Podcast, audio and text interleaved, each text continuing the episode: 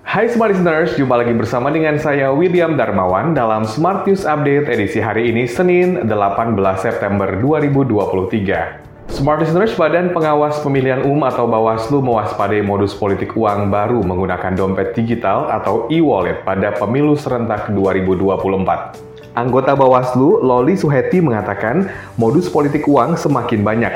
Bawaslu sedang membahas hal ini untuk persiapan pemilu 2024. Loli mengatakan peraturan yang ada saat ini belum membahas secara spesifik politik uang via e-wallet. Dia berkata hal itu bisa disempurnakan melalui surat edaran atau surat keputusan. Berita selanjutnya, PT Kereta Cepat Indonesia China menyatakan registrasi uji coba kereta cepat Jakarta-Bandung atau KCJB akan kembali dibuka mulai 24 September 2023. GM Corporate Sekretari PT KCIC Eva Hairunisa mengatakan, registrasi mandiri pada tanggal 24 September 2023 tersebut untuk perjalanan uji coba periode 25 hingga 30 September mendatang.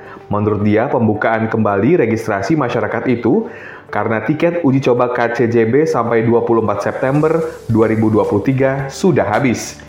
Eva mengatakan, memang sejak dibuka bagi masyarakat untuk registrasi mandiri, dalam beberapa jam, kuota per hari yang sampai 2.000 tempat duduk sudah habis. Kita ke berita terakhir, Menteri Investasi Bahlil Lahadalia mengungkapkan alasan percepatan pembangunan Rempang Eco City, meskipun sampai saat ini lokasi rumah relokasi permanen untuk warga terdampak belum dibangun. Dia menyatakan proyek strategis nasional itu harus segera dijalankan karena persaingan untuk menarik investor di dunia. Bahlil menegaskan investasi yang masuk dari asing sekarang sangat besar, bahkan mencapai 300 triliun rupiah lebih.